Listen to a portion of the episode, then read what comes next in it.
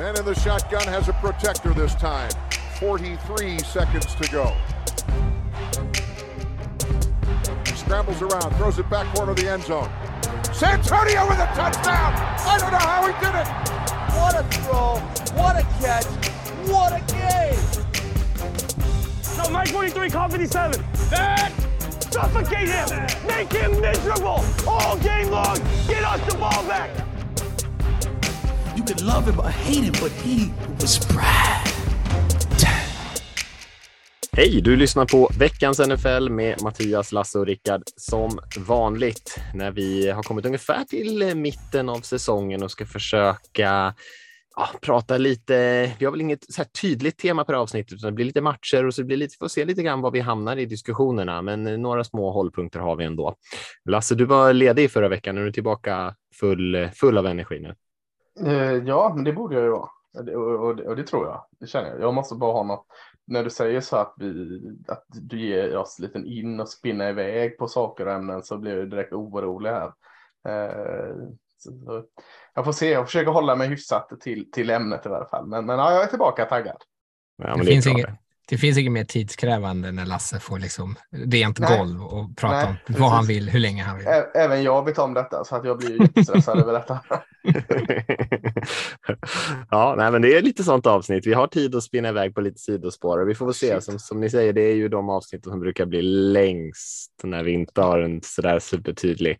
Men eh, vi kan väl börja med något ganska tydligt ändå. Eh, och det var ju att eh, Frank Reich som har varit huvudtränare för Colts ett par år här fick foten i veckan och eh, ja, det stora problemet för dem har väl egentligen varit att lösa den här QB-positionen och man har slängt lite, in lite allt möjligt där, allt från Philip Rivers till Carson Wentz till Matt Ryan nu och i år har det väl kanske sett sämre ut än någonsin. Och ägaren där fick nog och vi kanske kan, ska vi stanna där med Reich? Det händer ju lite andra mer, andra spännande grejer efter sen, men vad ska vi säga om Reich?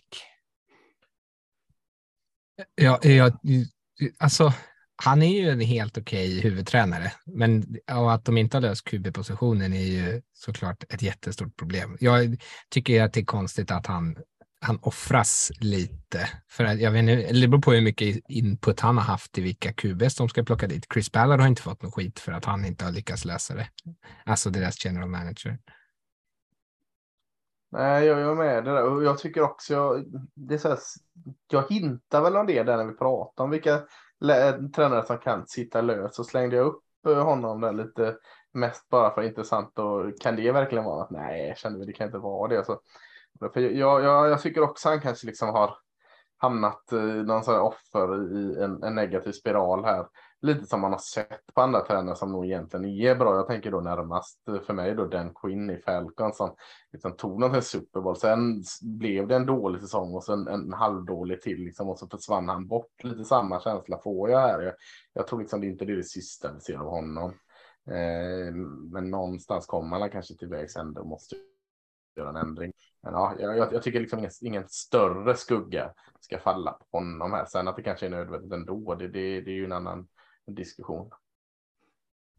Mm, han har ju tappat ganska mycket som ni säger där. Han var, var ju väldigt eh, men det var många som hyllade honom i början av hans karriär där i Colts, trots att de kanske inte hade alla bitar på plats. Men, eh, och då snackades det snarare om att, att när han lämnade Eagles där, när han var OC under Doug Peterson och Eagles började hacka lite att, eh, att det var eh, Frank Reich som hade varit liksom geniet bakom den där explosiva Eagles-offensiven som de lyckades vinna Super Bowl med. Men när han försvann så kollapsade det lite grann. Men nu, sen har det gått ganska snabbt ner för Reich här och nu så får han kicken här nu. Och det är ju som ni säger kanske en mix av vad man har för, tagit in för spelarmaterial och tagit för beslut. För det är inte bara QB-positionen eller kan man ju säga offensiva linjen till exempel i Colts har ju tagit många, många steg bakåt.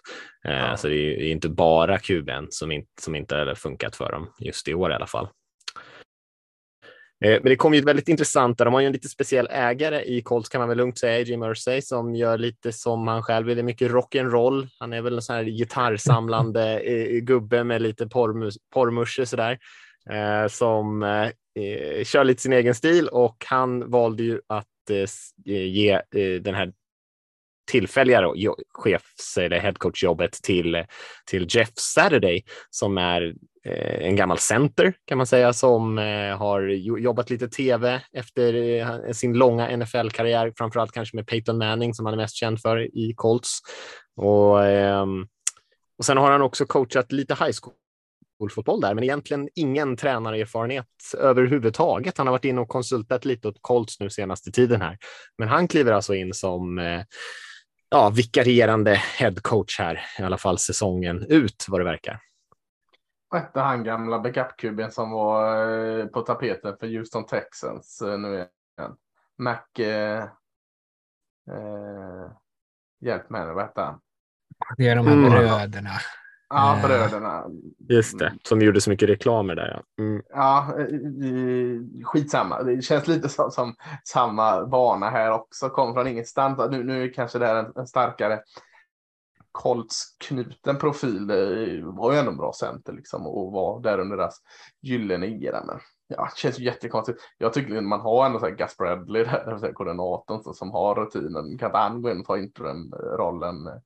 Eh, ja, det känns verkligen som att det är rock'n'roll-svingar från höften från, från ägaren här. Och, ja, jag, jag, vet inte vad jag ska säga. Alltså, så den här säsongen är ju förlorad för dem. Så ja, väcker det intresse så why not? Men, men annars ser jag liksom inte vad, vad, vad poängen med det Nej, det är jättekonstigt. Eller alltså, det känns som att så här, de kan inte utvärdera Jeff Saturday som en seriös HC-kandidat av Kandidat, det här. Alltså, nej, utan det, och det är det som är så konstigt med det. Det borde ju finnas någon som de tycker inom staben är tillräckligt bra att man säger, ja men fan, vi kanske kan ändå vända på den här stenen som en tänkbar möjlighet om saker och ting går jävligt rätt till. Men med Saturday så kan det ju inte finnas liksom en, en förhoppning i att han ska liksom bevisa sig som HC så att han kan bli förlängd. Eh, och det måste ju också som spelare vara, liksom, hur ska man ställa sig till det här? Det, det är ju liksom en cirkus. Ja, ver verkligen. Eh, som du säger. Och, och ja, jag tycker fortfarande att alltså, de har ju nu kanske inte Gus Bradley är den, den, den är mest eh, hetaste framtidsprospektet, men han är ju en faktor i staben. Han har ju rutinen och, och, och allt sådant, så kan liksom inte se när man har han där. Man vet att den här säsongen inte ska annat testa och se vad han kan göra som, som HC. Är ja, jag, jag fattar inte heller poängen. För att, nej, det kan ju, som du säger, det, det kan ju inte vara så att de, de på allvar tänker att nu ska vi känna hur Jeff Saturday kan vara som potentiell huvudtränare. Så, så, så kan det ju inte vara. Jag kan inte se det. Nej, Nej, det känns ju väldigt underligt och det var en av mina första reaktioner också där egentligen. Var att liksom vad ska, som spelare, liksom, hur ska man reagera på det här? Känns ju verkligen som att fuck den här säsongen. Och det är ändå liksom rätt många matcher kvar eh, för de tänker jag som spelar för sina jobb och nästa kontrakt och allting sånt där. Eh, att det känns lite väl eh, spexigt kanske. Sen Saturday kan ju säkert vara liksom vettig. Han verkar ju som en, en vettig, liksom skön person. Han är säkert duktig på många saker, men Nej, det känns väl inte så där superseriöst.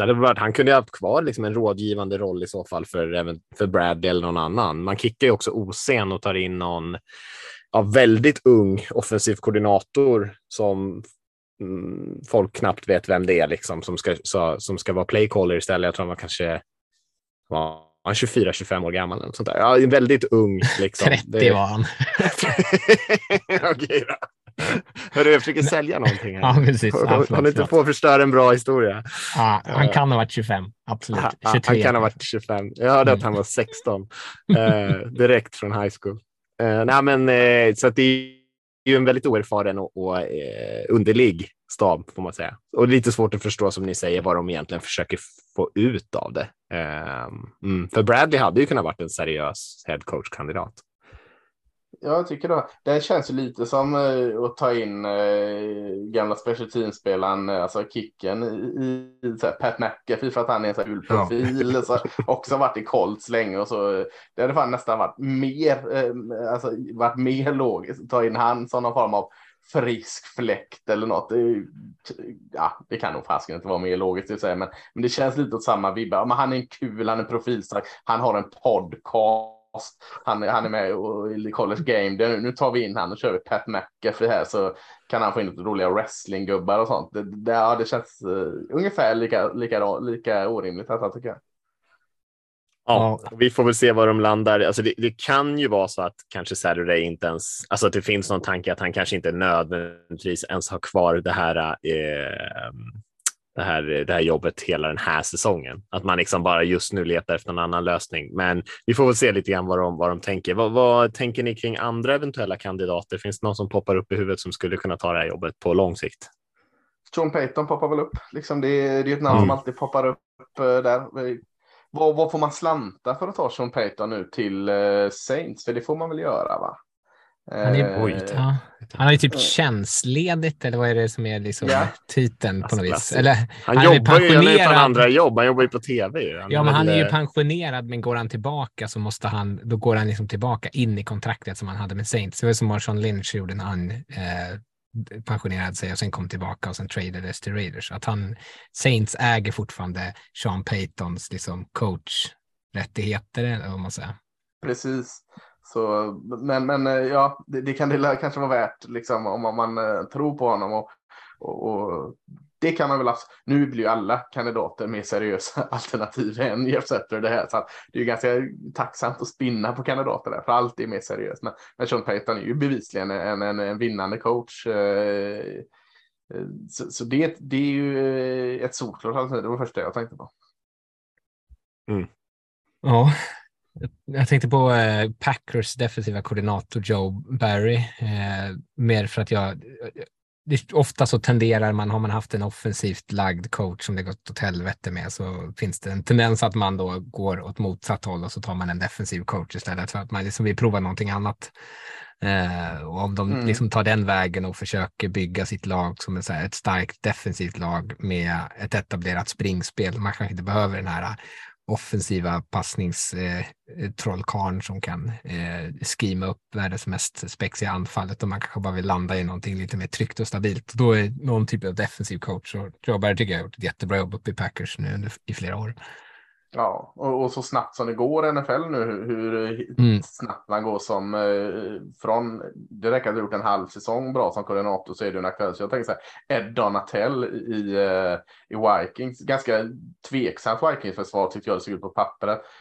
Eh, säger inte att de spelar arslet av sig och det är fortfarande för offensiven som bär där, men fan, Ed Donatell i Vikings kanske också skulle vara någon Ja, det är ju Vic Fangio-trädet också dessutom, det är mm. heta, ja, heta försvaret. Mm. Jag tänkte också det. Så, liksom, så, alltså, poängen med det var med liksom att du behöver inte ha, ja, han har bevisat sig nu, han har gått sex år som bra koordinator, som den känslan var förr att det, nu är det en säsong som bra koordinator, så whips så är du, är du en kandidat.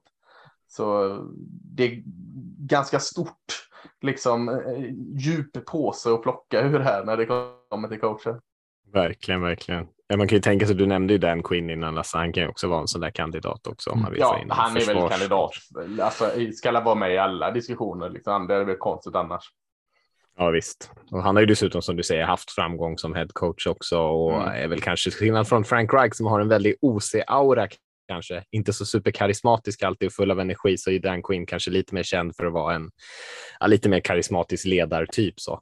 Mm. Uh, så det är kanske någonting som skulle kunna locka dem där och få någon som har lite mer, ja, har lite mer pondus kanske än vad ja. Frank Reich haft. Mm. Ska vi släppa den eh, Colts-frågan där. Det lär väl eh, mm. finnas eh, anledning att snacka lite mer om den. Just nu så känns det väl inte som att de har så där jätte, jättebråttom att lösa det där just nu eftersom som sagt säsongen ser inte super. Den är ju verkligen inte så här statistiskt är den ju inte över, men så de spelar eh, så, så känns det ju väldigt uppgivet. Det får man ju säga. Mm, nej, jag Eh, ska vi titta lite grann på veckan som var där då? Man kan väl säga att eh, det var ganska mycket jämna matcher i alla fall här vecka nio och eh, både primetime-matcherna och de, en hel del av de tidiga matcherna blev väldigt spännande. Jag, jag såg ju den här Dolphins-Bears-matchen som blev väldigt underhållande. Eh, där, man, där vi fick se liksom, eh, Tua Tungvaloa mot eh, Justin Fields som man tänkte att det här kommer Miami ta ganska lätt och jag menar, man hade väl i perioder lite känslan, i alla fall jag, att, att Dolphins faktiskt skulle dra ifrån. Men Bears hängde liksom kvar den där matchen hela vägen in till det absoluta slutet. Den slutade ju 35-32 Och Justin Fields eh, ben var väl största anledningen till det. Han sprang väl, jag kommer inte ihåg exakt vad han kom upp i, men var det 190 yards eller något sånt där som han själv sprang för? Eh, och dessutom hade en ganska clean match i luften. Eh, så eh, han spelar ju verkligen bra och fortsätter bygga på en ganska bra säsong. Av den eh, gruppen där av unga quarterbacks som kom från den draftklassen så är väl han den som, ja, klart skulle jag säga har spelat bäst än så länge. Och sen så hänger det ju fortfarande väldigt mycket på att han kan springa bollen och så där, men Eh, men tycker ändå att han spelar med ett ganska bra lugn och liksom ser ändå ganska bekväm ut, även fast han kanske skulle behöva lära sig att stå i fickan lite längre. Och här på andra sidan Tua också spelar väldigt bra med sina två fantastiska receivers där som han har och det där explosiva anfallet. Så det är en väldigt underhållande match mellan eh, ja, två lag som man kanske inte tänkte det skulle bli så himla jämnt, men, men det blev väldigt spännande och väldigt underhållande. Ja, men det är kul att stanna upp lite vid Justin Fields för att Eh, de första, eh, jag vet inte om det var tre veckorna i säsongen, så var inte heller eh, Liksom, det var inget utropstecken bakom Justin Fields. Det började nästan viskas om att ja, kommer vi sist här i år ska vi ge upp Justin Fields. Så att, även det svänger det ju snabbt. Jag tror vi var inne på det ganska tidigt i säsongen i, i den här podcasten. Att, eh, jag vet inte om det var vecka fyra eller vecka fem, det, det, spelar mindre roll. Att man såg henne, när, vad heter den offside-journalisten, Getzi och Eberflass, mm. när de började liksom känna själva lite att fan, det är det här vi har med Justin Fields här just nu. Visst hade det varit fint att han skulle få liksom eh, hitta lugnet i fickan, hitta hur man spelar i fickan där, men någonstans kände de liksom att varför ska vi göra det? Vi har en, du sa att han sprang 190 år, han kanske sprang för någonting där liksom, vi har det här vapnet, vi har 190 yards en bra dag i vår eh, quarterback.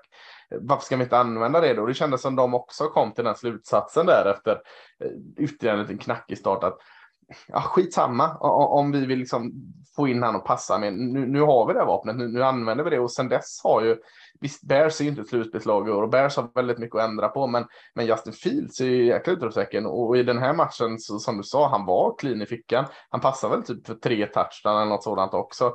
Eh, inte så jättemånga eh, liksom yards eller attempts, men eh, så när han springer så, så gör det också att eh, försvararna får ju liksom stå och vara redo liksom att eh, de kan inte tjurrusa mot honom. Så att det hjälper ju också honom i fickan. Så jag, jag tycker mest det är roligt med Chicago Bears utveckling att de börjar se vad de har i Astrofils och använda det. Och jag hoppas liksom att de inte säger ja, men nästa säsong ska vi försöka få han i fickan och stanna lite mer där. Jag hoppas att de liksom kör på det här nu.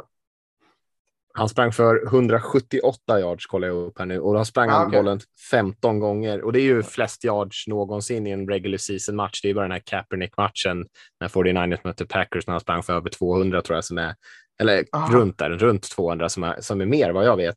Eh, men man kan ju också säga att David Montgomery, deras running back, sprang i bollen 14 gånger jämfört med Justin Fields 15 då. Och Montgomery hade 36 yards och Fields hade 178 på sina försök då. Så man kan säga att det var ju hyfsat mer effektivt när Fields sprang bollen än när de försökte springa bollen lite mer traditionellt då. Ja, men absolut. Och, och, ju mer de kommer göra detta och ju mer försvaren ser detta så kommer ju Montgomerys eller Herbert eller vad det är i snitt per attempt också stiga. För att just nu så hade ju inte Dolphins gjort sin läxa på Justin Fields. Men, men eh, efter 178 yards på 15 försök så kommer ju nästa lag upp för Bears veta detta. Och då kommer det öppna upp för Devin Montgomery och Kelly Herbert. Visst, de har, inte, de har långt ifrån en bra offensiv linje, men, men eh, alltså det hjälper så många liksom, steg i offensiven att eh, att försvaren måste gameplana för att han tar och rusar iväg med bollen. Så att eh, jag ser bara vinst i detta. Jag skulle vilja lägga till det du pratade om hans utveckling hos Lasse, att redan när han lämnade college så pratade man om de här Ohio State QB som kommer från ett ganska tacksamt system där de mm. eh, kanske inte alltid ska man säga, är liksom redo att läsa NFL-försvar för att det är ganska, eh, liksom, ganska lätta passningar att sätta många gånger. Eller att de har en, bra spelbok som blir väldigt tydlig för dem att läsa och veta hur de ska gå med bollen och han läste inte alltid helplaner och sådana saker. Eh, och, och det här är ju ett sätt egentligen för att här, köpa honom tid. Eh, man eh, antar att anledningen till varför man kanske har varit restriktiv tidigare med att låta honom springa är för att man inte vill att han ska utveckla eh, inom citattecken dåliga vanor. Att så här, Nej, lämna, fickan, lämna Ja. fickan i onödan. Men när man märker att det funkar, då är det liksom, det är ju jättebra att han lämnar fickan. alltså om man Ja, plockar upp då så här är det ju mycket ingen dålig vana. Precis. Nej, precis. Och, och liksom, det är ju så här, utveckla instinkter som eh, liksom hjälper anfallet framåt. Det är bara någonting positivt tycker jag. Sen kan Ja. han ju liksom allt eftersom och ju mer tid han är på banplanen och han känner, jag har den här, liksom, jag kan alltid falla tillbaka på att jag kan springa gör att han kanske blir mindre stressad eller nervös, vilket kanske gör att han slappnar av, vilket gör att det kanske blir lättare. Så, förhoppningsvis spinner det här ju bara vidare, eller än så länge har det ju bara spunnit vidare i liksom någonting Mm. positivt, att de har vågat vara lite mer eh, alltså våga låta honom ta lite egna beslut som kanske är utanför det uppskissade spelet. Absolut så. Verkligen, och han kommer ju inte springa för så här mycket yards varje match. Det här är ju liksom, det här, fan, här fanns lägena, då tog han dem helt enkelt. Och, Mm. och det, var ju, det var ju framför allt det som var deras anfallsspel och de lyckades ändå slänga upp 32 poäng. Eh, så att det funkade ju ganska bra. Man ska väl säga så att jag inte får skäll här, eller vi får skäll av, av eh, Bears-supporterna ska man väl säga att eh, det var en hel del tveksamma domslut i slutet av den här matchen när Bears försökte komma ifatt eh, ganska tydliga sådär pass interference på, på försvarssidan eh, och, eh, och det blev ju lite avgörande. Jag vet inte om man ska dra för stora växlar av det, men Miami hade den här matchen lite grann i sin i sin hand här och även fast Tua gjorde en väldigt bra match, liksom över 300 yards, tre touchdowns, inga turnovers, eh, så hade han, missade han ju några extremt enkla kast eh, i slutet på den här matchen som gjorde att Bears fick tillbaka bollen flera gånger om eh, i slutet av matchen och hade faktiskt en chans att, att driva för vinst. Eh, så att han gjorde en del missar där, kanske inte sådär ödesdigra interceptions och sånt, men han missade liksom vidöppna receivers på fjärde down och sånt där eh, när de försökte konvertera. Eh, och så lite skeva domslut på slutet.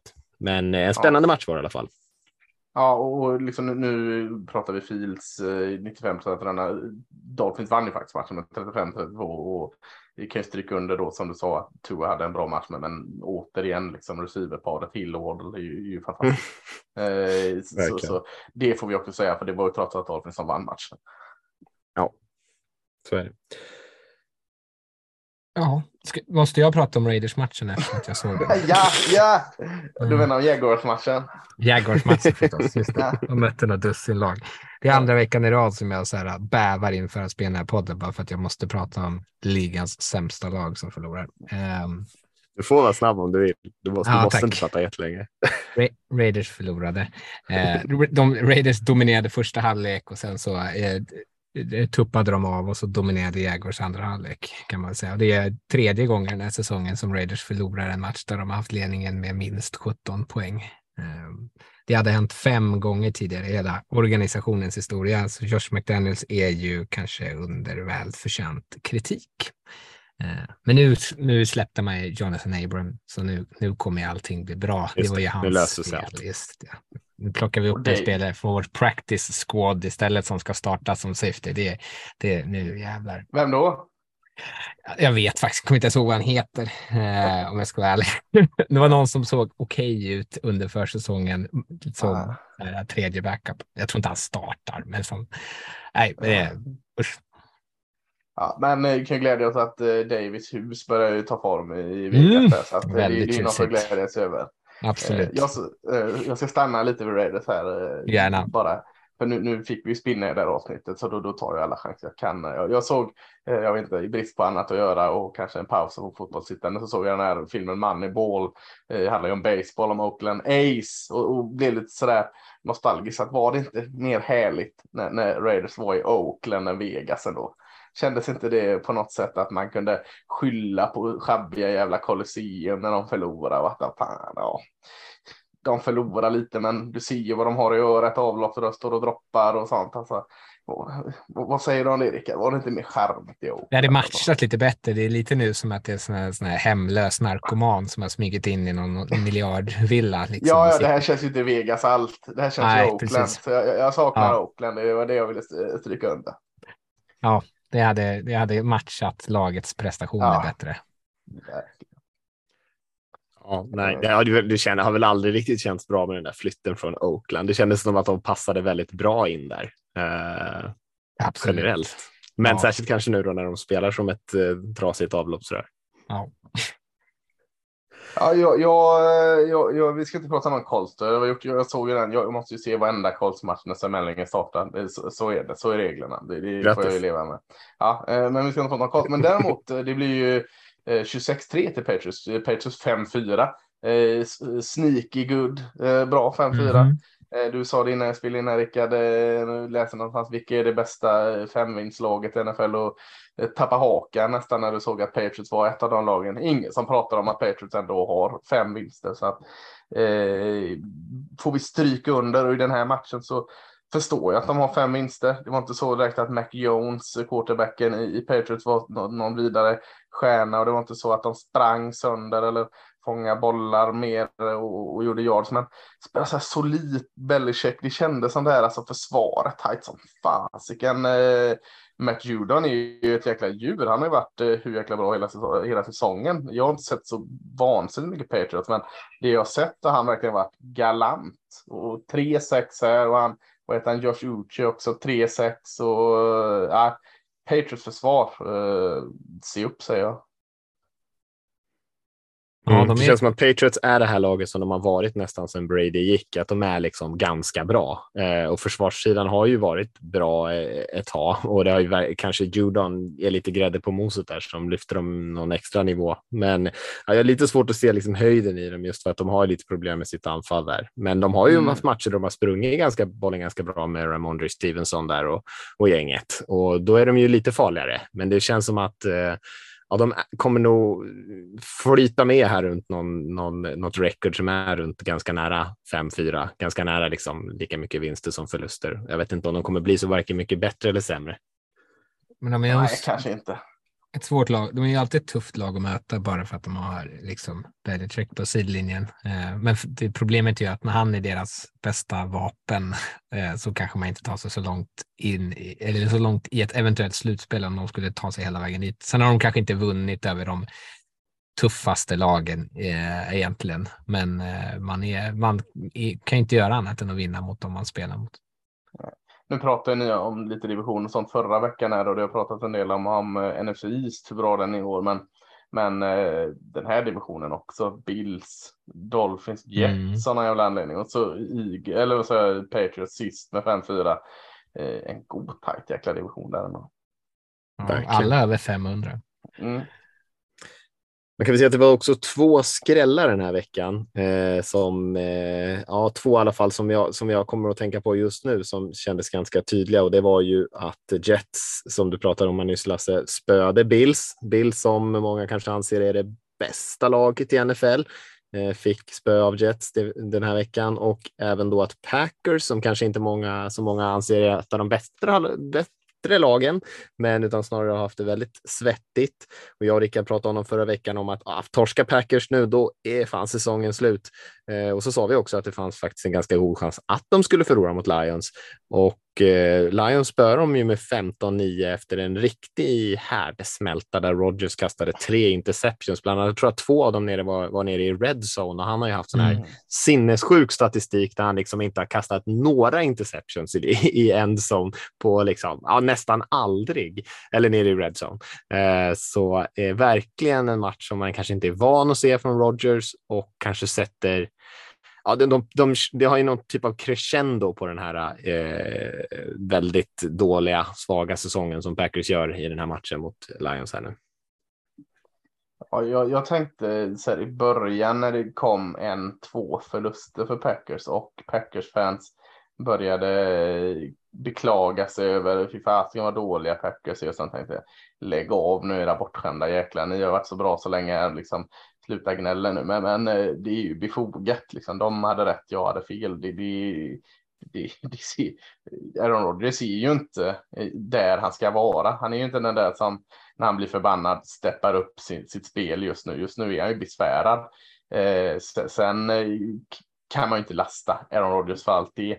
Jag var tvungen att räkna här hur många liksom receivers eller hur många han hade liksom kastat bollen mot. Jag tror jag fick upp det till 14 stycken olika spelare han hade liksom eh, en target på och det, och, och det är också något talande. Jag tror han fick passa De Bactiari en gång till och med. Alltså, eh, offensiva linjespelarna. Så att det är ju också talande liksom för att han, han har inte sin go-to guy eh, Adlands längre.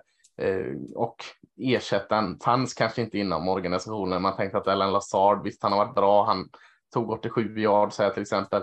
Eh, Romeo Dubs och blixtrar till men ja. Skadas i den här matchen tror jag också va? Ja precis. Dubs. Men, men eh, det är ju tydligt att eh, han, han behöver en ett receiver, inte tre stycken tre receivers.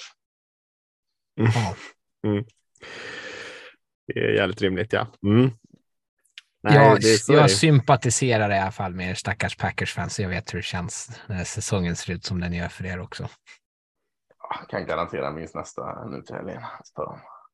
Eh, men, men det kommer vi till. Eh, ni är väldigt storsinta tycker jag, sympatiserar så mycket med Packers-fansen här. De har ju ändå liksom en nej, nej, dub dubbel MVP, gånger, vad heter det, QB här som liksom har haft några svaga matcher och hela världen går under. Uh, när han kastar liksom vi lite. sympatiserar, det Ricka jag, som jag, jag tycker synd om alla stackars förlorande lag. Det är synd om oss. ja, ja, just det. Hur kan, du ens garantera, hur kan du ens garantera, synd om, hur kan du garantera en vinst? När, de förlorade mot Lions. Ja, men sätter ni en pengar så får ni summan tillbaka här av mig om ni sätter en pengar och inte vinner mot Cowboys. Det är dummaste jag. Vi, vi, det är ett löfte. Det är ett löfte med vinst ja, vi kommer till det, vi är inte på nästa vecka än. Jag ska, jag ska motivera det. Mm. Ja, det är, det är spännande att höra. Ja, och Jets-matchen då, då, Bills fick spö Man kan väl säga att det är lite samma sak där, fast eh, Eh, Josh Allen har ju varit fullkomligt magisk hela säsongen och nu gjorde han kanske sin första svaga match, tog på sig mycket av skulden själv den här förlusten också.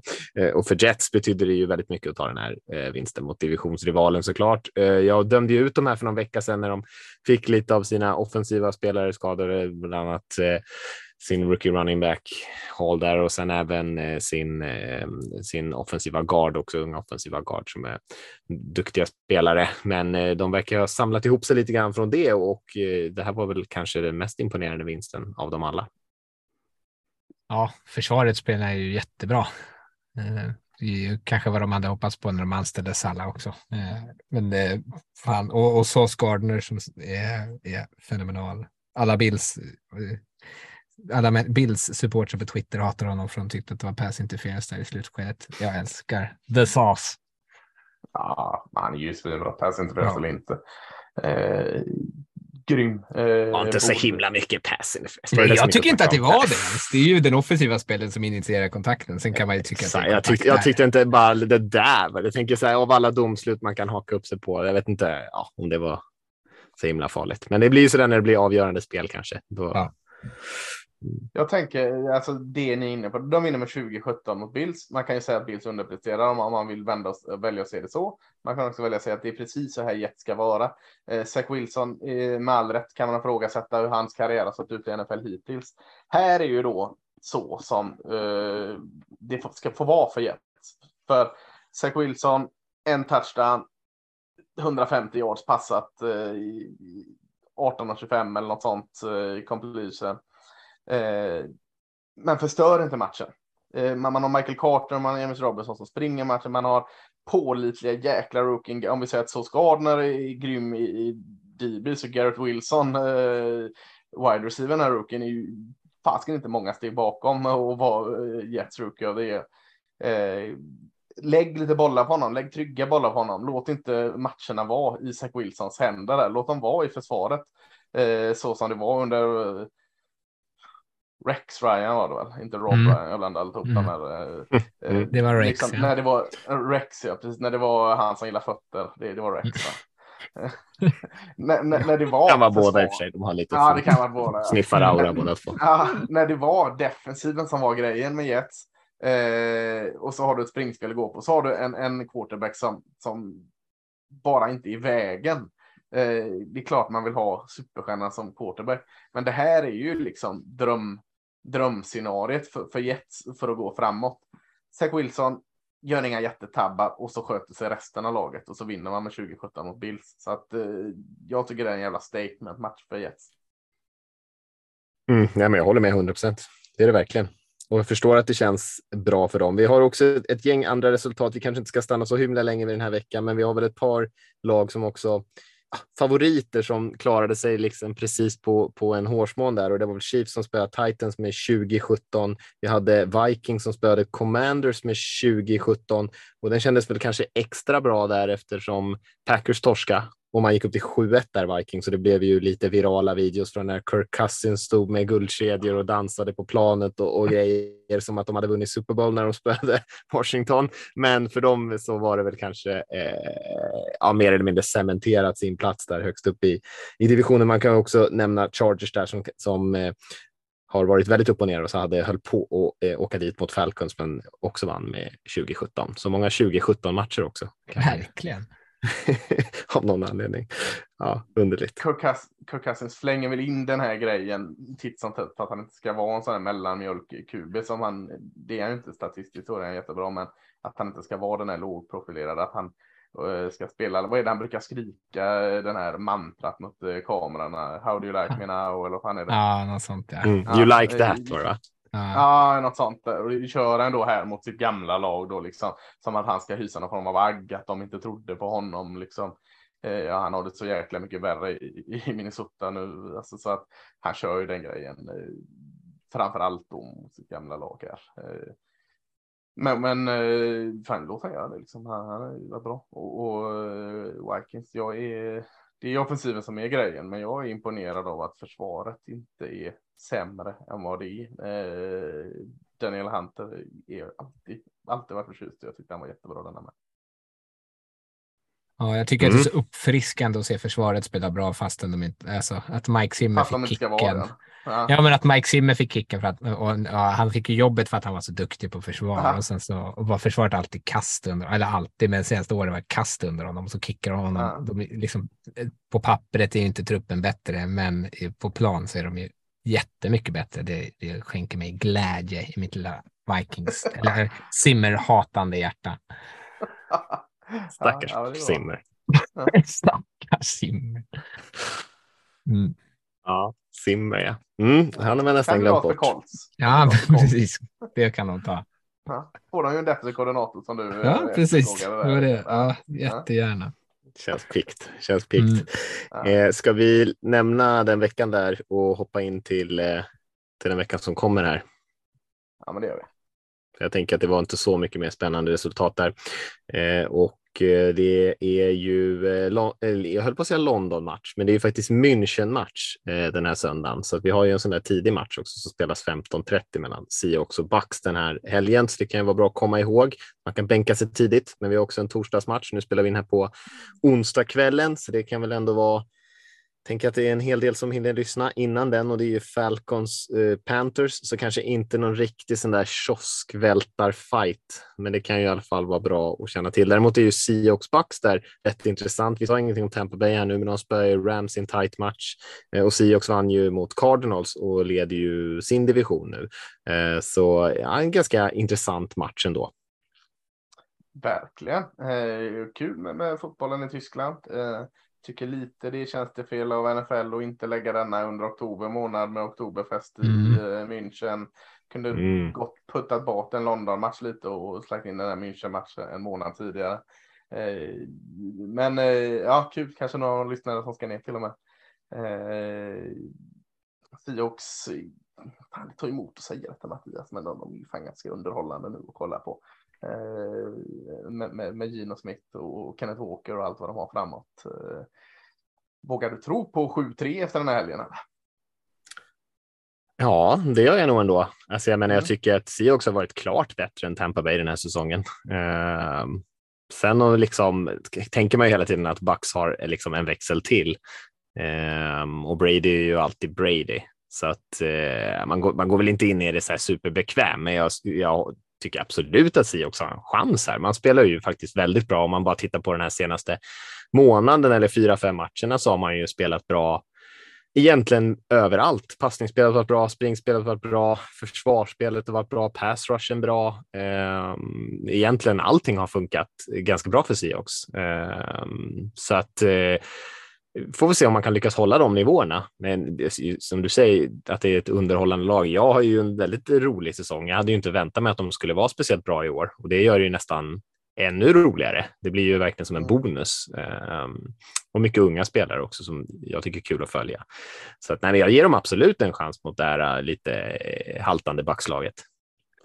De har fyra raka nu, Sioux, va? Eh, mm.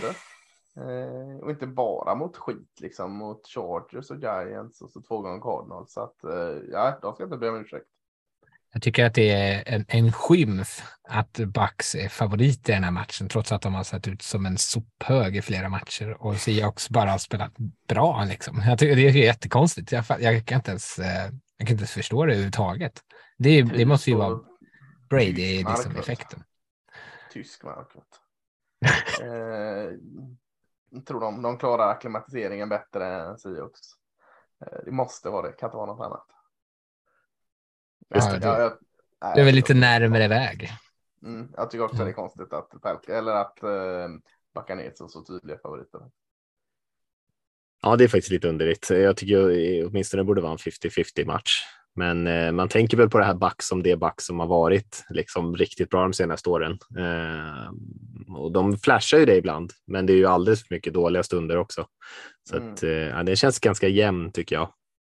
Verkligen. Ja, och som ni säger där, det var som sagt, det har varit jättehögt tryck på den här matchen. Jag vet inte om jag har nämnt det tidigare, men det var ju, eh, jag tror att det var två miljoner människor som hade skrivit upp sig på den här väntelistan på biljetter till den här matchen. Eh, så ett super, super högt tryck på den. Eh, och det är säkert, vi kommer säkert få se fler matcher i Tyskland om det, om allt går väl och det ska det väl göra, tänker jag. Det finns väl ingen annan. Eh, finns väl ingen anledning att tro något annat när de ska spela där på Allians Arena och det känns som att det kommer bli en schysst inramning. Jag vet att NFL Network har ju varit ner och redan redan börjat köra här eh, i flera dagar med lite olika reportage därifrån om Tyskland och de är ute och testar mat och spexar omkring där. Eh, så att de går ju all in på det här. Ja, det är ja. mycket currywurst och annat fint. Exakt. Eh, ja, men sju matcherna. Jag är ivrig att komma igång den här sju matcherna. Vikings mot, mot Bills känns väl som en jäkla fin sju match att kicka igång liksom riktigt eh, tidigare om man ska säga så. Eh, jag, jag, jag källen är väl den stora frågan där. Jag, jag, sist jag läste något så var det kanske inte helt orimligt att han ändå skulle spela den här matchen. Eller? Jag trodde han var helt ute innan jag läste, läste annat. Ja, jag trodde han skulle vara borta borta åtminstone mm. någon vecka. Han har ju skadade ju armen då eh, för att få mm. en text där i matchen mot Jets. Ehm, men eh, ja, det är ju helt avgörande om han spelar eller inte, som att han är så mycket av hela anfallet. Ehm. Ja, för vem var det som kom in? Det var det Case Keenan som kom in eh, och eller var det för Bills? Jag, jag såg inte den matchen. Eller, eller spelade han klart? Ja, han spelar väl ändå klart? Väl? Alltså, det, var, det där var ju typ sista spelet som han åkte på. Eller han kanske var lite skadad innan, men det var ju då han verkligen tog sig för armbågen och sådär. Ja. Uh, men annars jag vet inte, vad har de för backup? Ja, det är Case Keenum. Ja. ja, annars är det. Och det, är, det är ju inte jättefräsigt liksom, eh, med tanke på hur stor del av, av Bills Josh Allen faktiskt är. Så, så är det ganska otacksamt för Case Keenum att komma in där i sådana fall och, och, och bära det eh, laget, särskilt när man inte ha någon, någon eh, jätteordning på springspelet heller så, så känns det lite, lite farligt om det skulle vara Case Keenum när man kommer till fight med det är väl lite så här, Bills är väl lite så här, eh, spelare spelar, men de är lite så här banged up. Jag tänker på grymma safety Jordan Poyer har också varit lite småskadad. Tremaine mm. Edmund som var småskadad och vad heter han, konen Ilan där har varit småskadad. Så det, det är haltande trupp papper för Bills här och, och om Josh Allen kommer till spel så kan jag väl inte se att han är 100 procent där så att lite orolig för den här matchen att liksom även att det är i, i uh, Buffalo väl, det är väl, det är väl i Buffalo de spelar va? Eh, mm, det tror jag. Mm. Ja, så känner jag ändå att jag har nog Vikings som favorit här lite med, med vind i seglen för Vikings och att eh, om vi sa att eh, Sioux var vunnit fyra raka. Jag vet inte, Vikings har vunnit ännu mer. Fem senast har de vunnit i varje fall och i en riktigt jäkla god form. Så att ja, jag har en känsla av att eh, Kirk Cousins kan skrika och ha på sig guldkedjor i den här matchen också. Jag inte att det är Case Keenan som lämnar i guldkedjor på väg hem från sitt gamla lag. Han spelade Ah. i Vikings förut, men han kanske inte heller har så mycket agg emot Vikings. Det var det enda Keenan måste ändå ha i rätt många lag som han har spelat i. Eller hur många? det känns som att han har varit överallt. Men, Han har ja, jättemånga guldkedjor redo att dra på sig. exakt. Han får aldrig Ja. spela bara, det är inte synd. Men det är en viktig match för Bills. De slarvade ju bort den här om man ska säga så då, mot Jets. Det är det, om man ska alltså slåss om den här enda eh, bye-weeken in mot slutspelet, Mm. första sidan. Så eh, Ravens på sex vinster och Chiefs på 6-2 så är det ju inte, har inte jättemycket utrymme att hålla på och förlora matcher. Nej, Nej jag, jag sätter varning där för Vikings. Mm. Ja, spännande. Det är ju, det hänger väldigt mycket på Allens status som ni säger, Ja, men man har ju hoppas att om han är liksom lite halvskadad att han inte spelar här. Det känns ju inte riktigt värt det ändå. Jag tror ändå att Bills kommer ta en slutspelsplats och sen om man ska liksom eh, Eh, riskera någonting i vecka 10 för att få någon sidning eller något, det känns ju lite fånigt tycker jag, utan eh, då ska han ju verkligen vara återställd så att han inte riskerar att slå upp någonting. För skulle han missa flera matcher som ni säger i den här ganska tuffa EFC, då kan de ju mycket väl eh, börja gå åt helt fel håll. Och sen så blir det svårt att ens ta sig till slutspel. Så att man, jag tänker att man får ju ändå ha lite, lite the long view här om man är Bills känns det som. Och Vikings är inte dåliga, så att jag tänker den, den, eh, jag tänker att de absolut kan torska här och utan Allen så är det väl till och med oddsen på att de ska torska. Och det är väl inte hela världen att torska mot Vikings. Tänker att det finns andra matcher på schemat som Ja, som man borde vinna. Men eh, ja, vi får se lite grann vad som händer där med, med Allen. Men en spännande match, det håller jag med om. Mm. Och Keenan, det skulle vara kul om han kom in. Han spelar ju faktiskt bra för Vikings när han spelar där. Han är ju en ganska kompetent backup ändå. Så att det är inte som att slänga in någon helt eh, riktigt Asplöv, utan han kan nog göra det där Ja. helt okej. Tycker det känns som en riktigt trött backup. Men, men ja. Det är, väl, det är inte definitionen av en backup då. Ja, Han är det, är det, väldigt ju, det är det ju verkligen. Eh, sen, och då, då ska han ju vara backup, inte starter. Så att, eh, ja. Eh, backup låter väl fint. Han spelar ju till och med till sig någon deal där efter den här Vikings-tiden, vad jag för mig. Han, eh, jag har för mig att han hade så här riktigt schysst eh, touchdown interception ratio där, även fast han kanske inte bombade loss så himla mycket. Så det kanske känns lite safe för en sån här match. Mm, vad har vi med? Det Ja, det kanske det. Så får man inte ens spela. Så det Nej, nej, nej. bara i nej. onödan. Nu får vi snabbt gå vidare från Case. Eh, Eh, ja, vad har vi mer för intressanta? Bland sju matcherna så får man väl kanske säga att den är, ja, visst, det känns som att du pratar om Broncos varje vecka och säger att det här är en viktig match för Broncos. Men nu möter de ju Titans här och ehm, ja, de hänger väl, eh, hänger väl med, med på, en, på en tunn tråd får man säga och eh, på sina 3-5 eller vad de ligger på. Och nu möter de ju ett ganska tufft Titans-lag som torskade knappt mot Chiefs senast när man hade Malik Willis inne istället för Ryan Tannehill. Tannehill eh, kom ju ut där på, in, inför matchen på plan och gjorde lite uppvärmning och så där, men han såg ju faktiskt inte ut som att han var i närheten av att starta, så jag vet inte ens varför de ens gjorde den hela showen där, om de försökte eh, liksom hålla det lite så där så att Chiefs skulle inte veta vad de skulle förbereda sig på eller någonting, för han kunde ju, han tog ju knappt ett steg, han stod ju stilla och kastade lite passningar, men han tog ju liksom inte ens en ordentlig dropback liksom, så jag vet inte hur han mår. Kommer han till spel här så eh, så känns det som att Titans är liksom tydliga favoriter, men annars skulle det här kunna vara lite av en räddning för Broncos. Ja. Eh, ja.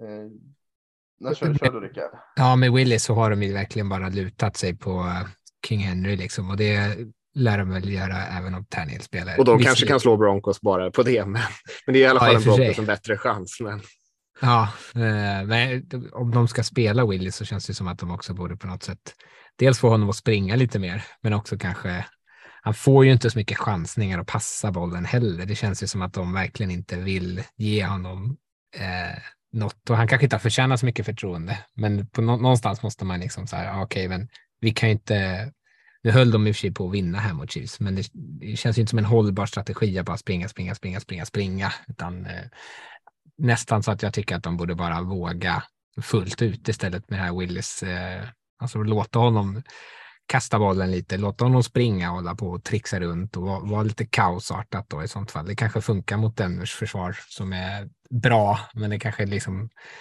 kan få dem lite ur synk. Jag vet inte. känns som Broncos är ur synk. Alltså, eh, visst, man eh, vann senast mot Jacksonville, hade en bye week, men det känns väl ändå som de är ur synk ändå. Men Eh, försvaret alltså, är ju bra.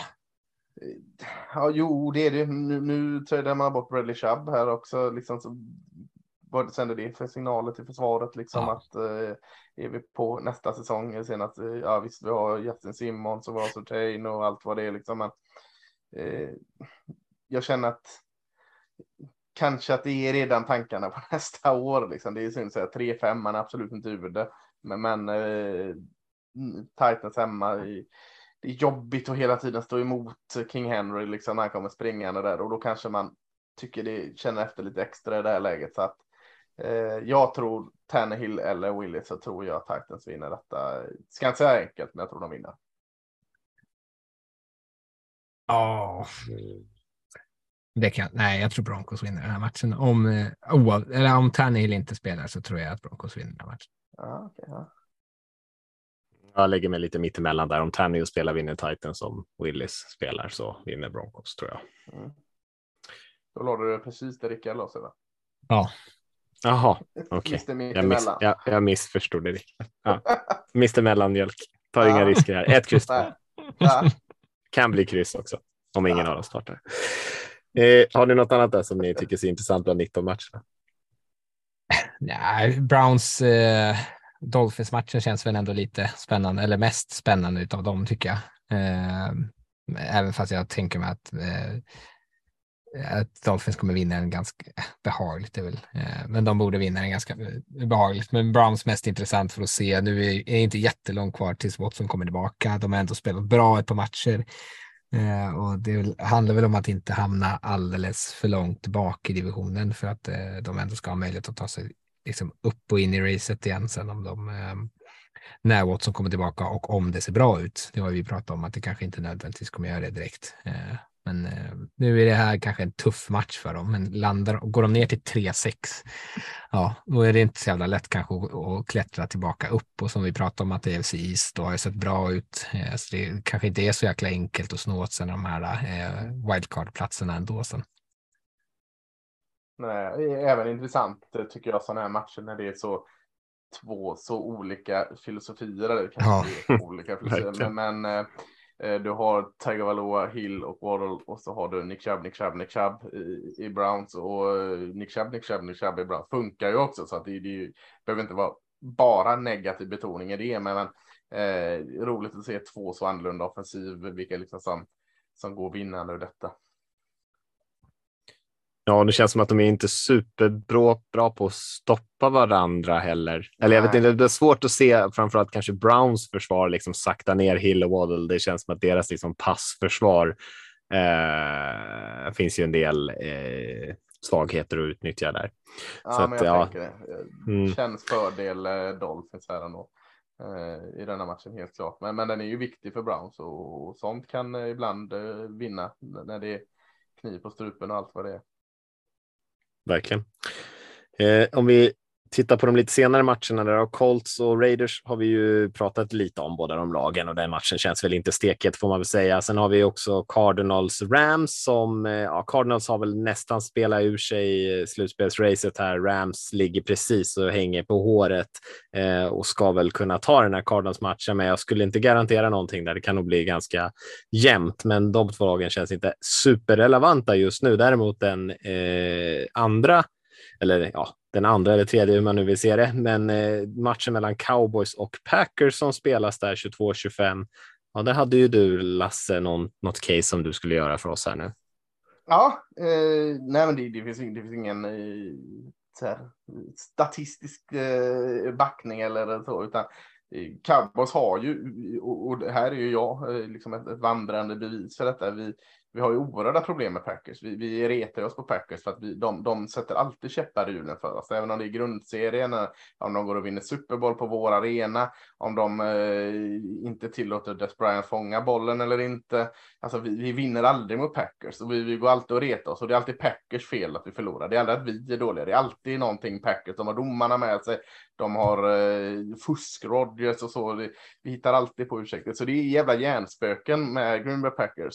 Eh, för lite som, som det var förr, förr när jag jobbade för NFL så var det ju 49ers hade ju det med cowboys. Eh, att det var alltid någon jävla skit som gjorde att eh, cowboys stoppade dem. Och, och samma är det här så att jag, jag aldrig att jag tror cowboys vinner de här. Vi, vi har sån eh, lillebrorskomplex eller vad jag ska kalla det eh, mot Packers att eh, jag ser inte det. Jag, Aaron Rodgers kommer vara MVP-kandidat den här matchen och Lazard kommer fånga för 200 yards och Mika Parsons kommer halta av i första kvarten och Trevor Diggs kommer bli bränd istället för interception. Jag, jag ser ju bara raka vägen för att Packers i 4-6 och, och klamrar sig kvar i chansen att slutspel.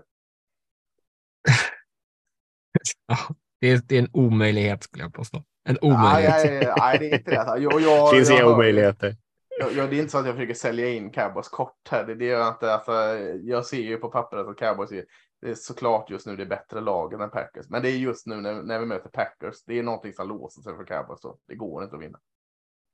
Alltså jag kan definitivt tänka mig att liksom Roger skulle komma och ha en typ av bounce back match här. Det känns ju liksom väldigt nära till hands ändå. Men just för, just för att de möter cowboys den här veckan så hade ju liksom förra veckans match mot Lions kändes ju liksom ännu viktigare på grund av det. För frågan är om, liksom, om det ens är möjligt att ha den typen av match mot det här cowboys försvaret för det de kommer vara så övermatchade på linjen. De kommer liksom ha, kommer ha det extremt svettigt tror jag. Uh, men an annars kan jag köpa hela grejen att liksom när man räknat ut Rodgers lite sådär så han är ju fortfarande eh, ja, fortfarande en väldigt bra spelare såklart. Eh, så att ehm, hade väl kunnat tänka mig att han skulle kunna komma tillbaka, men det, inte mot det här cowboyslaget. Jag kan inte se det. Vi har ju så stor avund och vi är så rädda för honom så vi gick ju till och med och tog deras sparkade coach Mac McCarthy och nu ser han komma tillbaka till Lambo Field här och, och liksom få sin revenge game. Det kommer han ju få nedtryckt i halsen på sig. Det, ja, nej, det, Ja, det skulle vara det, det det enda. Det är det enda jag säger. Ja. Man har sagt hela ja. säsongen att Roger ska ha sin bounce back match. Han har aldrig bounce back. Han bara rinner längre ner, ner i, i, i rännan. Ja, det, ja, ja, det är väl det. Ja, det här är min, jag kommer bara ge en garanti den här säsongen och det är denna. Att Packers vinner mot Cowboys. Det, det, jag lovar dig, du får ingen mer garanti. Och jag ska inte vara så där att jag vill sälja mitt lag kort här, utan det här är någonting. Det, det, jag låser mig på denna. Om alla spelarna har samma mentalitet som du har så kommer ni förlora garanterat. Jag går in och tar, jag går in och tar uh, pregame uh, pep talk. så här är kört grabbar. Ja. Det är kört. Gå ut och förlora snyggt nu. Mm. Mm. Ja, nej, men vi får lita på dig Lasse helt enkelt. Ja. Du har ju bättre koll på hjärnspökena där borta i Dallas än vad vi har. Kanske bara är mina hjärnspöken. Ja, det kan vara dina hjärnspöken. So be it. Åh, herregud. Ja, det, ja, det, om Packers skulle ta den så ja, det kanske skulle vara det som krävs då för att hålla säsongen vid liv. Torskar man den här, ja, då ser det jävligt illa ut. Cowboys är inte så oroliga för när det gäller slutspelsplatser och sånt där, men eh, de har ju tuff eh, konkurrens i divisionen, så det är mm. Precis som många andra på östkusten där som har inte råd med jättemycket torsk. Mm. Eh, vi har ju lite intressanta eh, nattmatcher tycker jag Monday Night Football mellan Eagles och Washington känns inte superintressant. Spelas också i Philadelphia så att de lär ju köra över Washington där är väl nära till hands. Men däremot Chargers 49ers. Eh, Chargers lyckas ju, har ju lyckats eh, knipa åt sig några vinster där eh, på slutet, men spelar ju fortfarande inte så där superbra. 49ers har väl fått lite extra medvind får man väl kanske säga nu på senare tid och många börjar lyfta att det kanske är ett av de här lagen som kanske ska vara med liksom när man räknar bland de tre, fyra, fem bästa lagen i ligan. Eh, men de har ju inget record för att, att eh, bevisa det än så länge. Så här är väl en sån här match där man spelar, spelar hemma mot ett Charger som har varit väldigt upp och ner. Att det är här man ska visa att man är ett av topplagen. Och jag tycker att eh, jag tror de kan göra det. Jag eh, har varit så skeptisk eh, även innan säsongen när det var lite hype kring 49 så såg inte jag riktigt. Den har smugit på, eh, smugit sig på mig. Alltså, eh, jag tycker secondary ser fint ut i försvaret. Eh, Fanga då, safetyn som ni kallar linebacker, jäkligt fin. Men sånt, vad heter han, Char Ward, den här cornerbacken, som jag aldrig liksom har sett storheten med. Tycker jag spelat riktigt fint där, eh, lockdown corner eh, på, på, eh, på, på sitt håll där eh, sådana här smygingredienser som man liksom inte tänker. Man pratar om om eh, Kyle Shanahans heta offensiv och allt. Med all rätt, det är jättefint med Dibro Samuel och, och när man får gånga Juck och allt vad det är där. Eh, och, och Trent Williams tacken och Garoppolo gör mycket av lite och in med Christian McCaffrey som är kul eh, fullback som funkar. Så att där finns ju ingredienser. Har man pratat, jag tycker liksom försvaret eh, i sneak är bra. Fred Warner, Nick Bosa, Eric Armstead, det finns profiler och så secondary då som också eh, spelar upp sig eh, en hel del. Så att, ja, jag, jag, jag ser mycket gott i Fortnite. Jag ser, eh, de gick långt i slutspel förra året. Jag ser just nu liksom att det är den vägen de kan möjligtvis vandra även i år. Ja, vi pratade ju om dem lite förra veckan, Mattias, efter att de mm. hade vunnit mm. där mot Rams. Eh, och, att, eh, och då sa jag att de har, känns som att de har kommit förbi det här turbulenta inledningen av mm, säsongen mm, där de kanske försökte definiera sig på nytt med Trey Lance som QB och nu kanske har landat tillbaka lite i sina gamla hjulspår där, där de har ett recept för att kunna vinna matcher. Eh, och precis som du säger, Lasse, ett, ett bra försvar kombinerat med en, en offensiv coach eh, som kan hitta på massa roligheter med massa roliga typer av spelare som är väldigt unika. Så de, på så sätt kan de ju vara ett, ett väldigt huvudbry att möta för man inte riktigt vet vad man kan vänta sig. Eh, och mm. McCaffrey hade ju sin eh, trehuvade eh, match här senast. Eh, då, så kan man ju bara tänka sig vad Shanahan har skissat upp till honom här nu när han haft en vecka på sig och bara larva mm. sig. Så det kommer ju komma massa dumheter som är jätteroliga att titta på. Dumheter som är någonting positivt, galenskap. Eh, mm. Så absolut, jag tror nog att 49ers kommer vinna den här matchen och det är ju mycket för att Chargers, som ni var inne på, har sett så skakigt ut. Jag vet inte hur det ser ut med deras wide receivers när de är tillbaka. men det är mycket som ser lite knepigt ut där eh, och framförallt om jag har problem att stoppa springspelet så kommer det säkert bli någonting som 49ers kan utnyttja. Mm. mm. Och som vi sa förra veckan när vi pratade om 49ers där de kommer åka på pumpen kanske sen är ju när man måste lägga över lite grann på Garoppolo kanske lite, lite mer att man mm. möter kanske de här lagen som har ja, det är ju inte så många som kommer komma positivt ur ett möte med Allen och Mahomes och, och gänget kanske, men eh, den där typen av explosiva anfall där ja, Garoppolo kanske måste kasta bollen mer för att hinna ikapp och då kanske misstagen kommer. Men så länge de kan safe-spela lite grann och springa bollen tungt och, och spexa lite med lite häftiga Shanahan play calls och spela hyfsat försvar så kommer de säkert kunna spöa på de flesta lagen och därför är de kanske liksom det 56 bästa laget eller någonting däromkring eh, för att man kan, man kan spöa alla lag under. Men det är ju de som ovanför kanske och här möter man ett Chargers-lag som inte, även fast Herbert har det i sig, liksom den potentialen att vara en sån där guns typ som slänger upp 35 poäng. Så med det här Chargers-laget han spelar med nu så har de ju inte alls visat att man har den offensiva potentialen och då kan man säkert spela sitt spel här i 49ers och inte ta så mycket risk och liksom promenera hem den här segern. Jag tror också att de vinner. Mm. Ja. Ja. Jag tänker att det var inte så mycket mer att säga om, eh, om det inte är någon av er som har någon match som jag, ni tycker att vi har glömt att nämna tyckte du sopade Colts Raiders matchen under mattan. Skulle lagt lite mer tid på den. ja, vi kan la se, eh, om vi ändå skämtsamt tar upp den, kan vi la se vad fasken det här projektet, Saturday-projektet eh, tar vägen. Eh, mm. Kanske någon match där Norwood Raiders inte blir utcoachade i denna. Så att, eh, ja, det vore uppfriskande. Kan, kan, ju, kan ju vara något, eh, mm. någonting att se om Raiders kan vinna coachmatchen denna, denna lördag. Alltså förlorar vi den här matchen så eh, eh, Ja, jag vet inte vad. Då, då Blir McDaniels den andra coachen att ryka då? Ja, det, jag kan inte tänka mig att han båda jobbet om han förlorar mot den här mot. Tror du på allvar det? Att, ja, fy fan. Ja, men herregud.